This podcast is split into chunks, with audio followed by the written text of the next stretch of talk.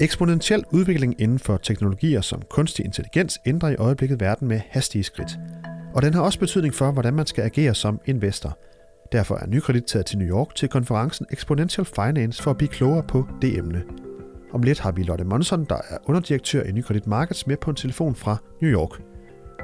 Hun fortæller også, hvordan de nye teknologier kan være med til at skabe fremtidens Nykredit. Hør mere om det til sidst i udsendelsen. Du lytter til Nykredits podcast om formue og investering. I studiet er Kasper Sagmann. For fjerde år i træk er hundredvis af forretningsfolk samlet i New York til Singularity Universitys store Exponential Finance konference. Nykredit er også repræsenteret blandt andet med dig, Lotte Monson. Velkommen her til podcasten. Tak skal du have. Du er jo underdirektør i Nykredits Markets med ansvar for den del, der hedder Investment Advisory. Og måske vi lige skal starte med lige at introducere det her begreb eksponentialitet, som det jo hedder på dansk. Hvad er det? Kan du kort forklare, hvad er det egentlig helt præcis, det betyder? Ja, det handler i bund og grund om hastighed. At tingene i dag går så hurtigt, hvis vi kigger på det 20. århundrede. Alt det, vi opfandt, det er 200 år. De sidste 17 år har vi allerede opfundet mere, og det vil sige, at det vi som investorer, som kunder, som medarbejdere skal være klar til, det er den her hastighed. Og, og lad mig lige høre den her Exponential Finance. Det foregår på det, der hedder New York Marriott øh, Marquis Hotel, og, og der er øh, omkring 400 deltagere, kunne jeg forstå. Hvem er det, der, der taler på den her konference? Jamen, det er professorer, det er branchefolk, det er investorer, det er venture capitalists, det er store tænkere i USA. Øh, Singularity University er founded af to store tænkere. Faktisk den her, der hedder Ray Kurzweil, som regnes for en af de største tænkere. Han regnes for vores tids Einstein. Og hvad er det, hvad er det han, øh, han ved så meget om? Hvorfor er det, han har fået det, den ret store til, kan man vist roligt sige? Jamen, han ved noget om singularitet, han ved noget om kunstig intelligens, øh, han forsker i fremtiden. Altså, når han står på, på scenen, så har han en tanke om, at når vi kigger 20 eller 30 år frem, så kunstig intelligens, den har du inde i hovedet. Det vil sige, din og min hjerne, de er sådan set connected op i skyen. Det virker vanvittigt, når man lige hører det, men når man begynder at arbejde med begreberne, så, så, øh, så giver det mening, og det giver mening i et, i et investeringsmæssigt perspektiv. Ja, fordi nogle af de store emner på den her konference, det er jo, ja, som du nævner, kunstig intelligens, det er også øh, digitale valutaer, det er robotics, det er nanoteknologi, crowdfunding og, og computersystemer i det hele taget. Hvorfor er det, det er relevant i et, i et investeringssynspunkt, øh, eller ud fra en investeringsvinkel, som du, som du fortæller? om? Jamen, det er jo vanvittigt relevant, fordi det vi gør i dag, det er jo, at vi sidder og bruger en gammeldags klassisk porteføljeteori. Hvilke aktier skal vi have? Hvilke obligationer skal vi have? Og så sidder vi jo og kigger ud over, hvad er det for nogle virksomheder, der eksisterer i dag? Men hvis jeg nu siger til dig, at i 2025, så er 40 procent af, af de største virksomheder i verden, de eksisterer ikke mere. Hvis jeg ikke begynder at tænke det ind, hvis vores analyse ikke begynder at tænke det ind, jamen så ender du jo faktisk med nogle porteføljer, der er fuldstændig skæve i forhold til fremtiden. Og, og det, som øh, vi snakkede lige sammen øh, kort inden vi begynder op til her, at, at noget af det, I også kigger på, det er jo ligesom at få noget input til fremtidige investeringer, også i forlængelse af det, du siger nu her med, at vi, ikke, øh, vi ved jo ikke, hvilke virksomheder, der eksisterer øh, om få år. Øh, hvad har du hørt i forhold til noget af det her med, eller, øh, omkring de fremtidige investeringer? Jamen, der er jo et hav af spændende muligheder. En af, jeg synes, det mest interessante, det er jo den her tanke om, og, og, og Internet of Things. Altså at alt er connected i fremtiden. Og et, et, et super godt eksempel, det er jo uh, Amazons Alexa, en kunstig intelligens, du sætter hjemme på køkkenbordet. Da den kom, der havde den 105... Og det, undskyld, jeg afbryder, men det er, sådan en, det er sådan en, der ligner ja. lidt en højtaler, som man stiller på, på bordet. Fuldstændig, det ligner lidt en højtaler, og den, den klæder faktisk et, et hjem rigtig fint. Øh, da den kom, der havde den 135 skills. Nu har den 10.000 skills, det vil sige, at jeg sidder hjemme ved morgenbordet sammen med familien, og og så spørger jeg, hvordan lukkede Standard Poor's i går? Eller hvordan bliver vejret i Ringkøbing? Eller hvordan ser min kalender ud? Hvad skal jeg i dag? Og øh, jeg kan sige, at da jeg, da jeg fik præsentationen i går, der gik jeg hjem som noget af det første og bestilte en, øh, en Alexa på, på Amazon. Så på en eller anden måde har reklameindslaget i hvert fald virket. Øhm, kunstig intelligens kan bruges på rigtig mange områder inden for healthcare. Du kan forudse hjerteanfald, Øh, 50 procent af os, vi, øh, vi dør højst sandsynligt af en form for hjertekarsygdom. Så et samfundsmæssigt perspektiv er det jo også enormt interessant for, for, øh, for sundhedssystemet. Og hvad med sådan ud fra investeringer? Så betyder det så, at man, øh, nu køber du så en Alexa, siger du, betyder det, at, at man skal smide penge i Amazon, eller hvad? Altså, er det noget, der, altså peger det på, at der er mange, der, der vil ud og have de, have de her, have de her øh, produkter?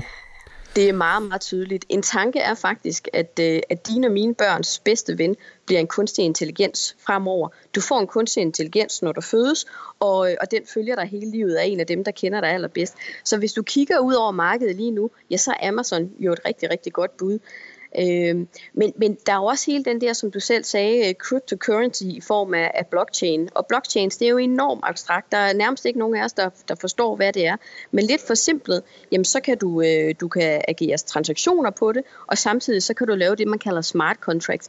Det vil sige, at den her tillid øh, til hinanden, den kan du køre over en eller anden form for blockchains. Og, og, øh, og, og det er jo enormt interessant, når vi står i dag og, øh, og vi har de her ransomware attack, cyber attacks. Hvordan kan vi beskytte hinanden? Og det er en teknologi, du kan investere i. Det er en teknologi, der kan beskytte os. Og Lotte, da vi talte sammen tidligere, der øh, sagde du også, at i forhold til hele energisektoren, der er der også nogle ting, som man skal være opmærksom på, sådan ren, øh, man kan sige, fremtidsudsigterne for, for nogle af de råvarer, vi kender, som jo også godt kan være meget interessante sådan i et investeringsperspektiv. Kan du prøve at fortælle, hvad er det, hvad er det I har hørt omkring på den front? Ja, energi er jo ekstremt interessant, og det er jo verdens største sektor. Øh, det, der sker lige nu, det er øh, en, en stat som eksempelvis Texas, som jo er en klassisk oliestat, nu er USA's største vindstat. Vi ser, at Kina har suspenderet opførelsen af 104 planlagte kulkraftværker. Indien har også cancelleret planlagte kulkraftværker. Indien er ude at sige, at i 2030 skal alle biler i Indien være elbiler. Øh, I Beijing har man været ude og konvertere 70.000 taxier til el. Og hvad er det, jeg vil sige med det? Det, der er jo interessant, det er jo, hvis man har fokus på olie, hvis man har fokus på naturgas, så tror jeg, at man kommer i klemme fremadrettet. Så en af mine vigtigste opgaver, det er jo at gå hjem og tale med vores analyse, vores strateger. Hvordan skal vi tænke det i fremtidens investering? Og hvordan øh, tænker du, øh, at, at, at det skal tænkes ind i, i fremtidens investering? Bare sådan et umiddelbart bud her, øh, nu, nu vi lige har der. Altså timing er jo everything, det vil sige, at man må aldrig nogensinde sælge noget for tidligt, men kigger jeg 2, 3, 5 år frem, så kan jeg slet ikke se, at jeg kan have olie eller, eller gas i en, i en portefølje i, øh, i, en, i en særlig stor form. Altså jeg synes jo også, det er vigtigt, hvis vi kigger sådan rent geopolitisk. Øh, Saudi-Arabien, de har 100% af deres indtægter fra olie. Rusland 72% for, for olie og gas. Hvad betyder det rent geopolitisk fremadrettet? Så det er et spørgsmål om, at, at mange af de her store økonomier, de, øh, de skal lægges om. Vi ved, vi ved jo også, at Saudi-Arabien blandt andet er i gang med at prøve at, at få, få gang i nogle andre sektorer. Det er noget, som, som også kan være interessant fra et uh, investeringsperspektiv fra nykredits side simpelthen. Absolut, ja. absolut. Og nu har vi jo fanget dig sådan øh, cirka halvvejs gennem konferencen. Den var tre dage, og vi har lige fanget dig en pause her midt øh, halvvejs på dag to. Øh, hvad vil du sige har været et højdepunkt øh, indtil videre på, på konferencen? Jamen et højdepunkt er nok den her evne til at, at, at løfte sig og kigge ind i fremtiden. Fordi for, for mig, nu vender jeg lige tilbage til kunstig intelligens, for mig er det en vild tanke, at, at mine døtre skulle have en, øh, en kunstig intelligens som, som deres bedste ven.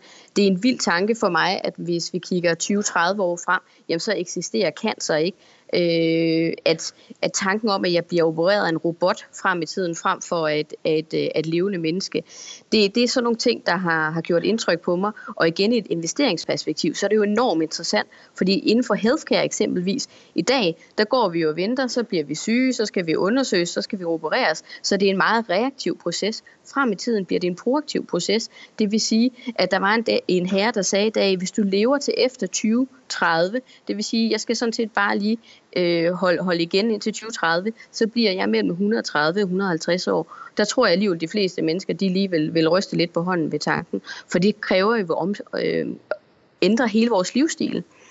Frem for at vi venter på at blive, øh, blive retired, når vi er, vi er i 60'erne, jamen, så bliver vi det måske aldrig nogensinde. Så det er en helt ny verden. Og, og hvad betyder det øh, ud fra sådan et øh, hvad kan man sige, investeringssynspunkt? Øh, det kan jo godt have også indflydelse i forhold til måske i forhold til pension og sådan noget, tænker jeg bare. Jamen det er jo, det er jo et kæmpe pres, fordi altså, dels for den finansielle sektor, jamen vi bliver jo formodentlig øh, disrupted af en masse nye spændende teknologier til gavn for kunderne, og det, det synes jeg er ekstremt positivt. Men samtidig med, så skal vi jo ind og forholde os til, at der er rigtig mange mennesker, men de kommer ikke på plejehjem, som vi kender i dag. Der, man snakker om, om, om hele den her øh, leisure, øh, komponent, altså hvor at vi frem i tiden, hvis du bliver rigtig gammel, jamen, så har du da lyst til at, at, at leve livet hele vejen igennem. Så i stedet for at du bor på et plejehjem, jamen, så bor du, bor du på et krydstogsskib, fordi det er faktisk meget billigere. Så det kunne, så, snart, så det kunne være, at man skulle ud og købe aktier i, øh, i krydstogsskib måske? Ja, jeg ved ikke lige krydstogsskibe, men, men sådan hele den der e-sport entertaining øh, bliver meget stort. Så har sharing economy, nu kender vi jo alle sammen Airbnb og, og, og Uber. Hvis man lige tager for eksempelvis Uber skridtet videre, jamen så, øh, så frem i tiden, så bliver det en førerløs Uber, der kommer og henter dig. Øh, allerede nu, der, der findes der droner, altså taxidroner, der, der flyver der rundt i luften, som er, er førerløse. Og jeg ved også, at I, øh, at I også søger en form for, kan man sige, inspiration sådan til hele sådan, den mere sådan, ja, strategiske drift øh, af, af nykredit, øh, så vidt jeg har forstået. Jeg ved ikke, om det er helt korrekt formuleret, men kan du prøve at fortælle øh, lidt om det? Du sendte mig lidt om det.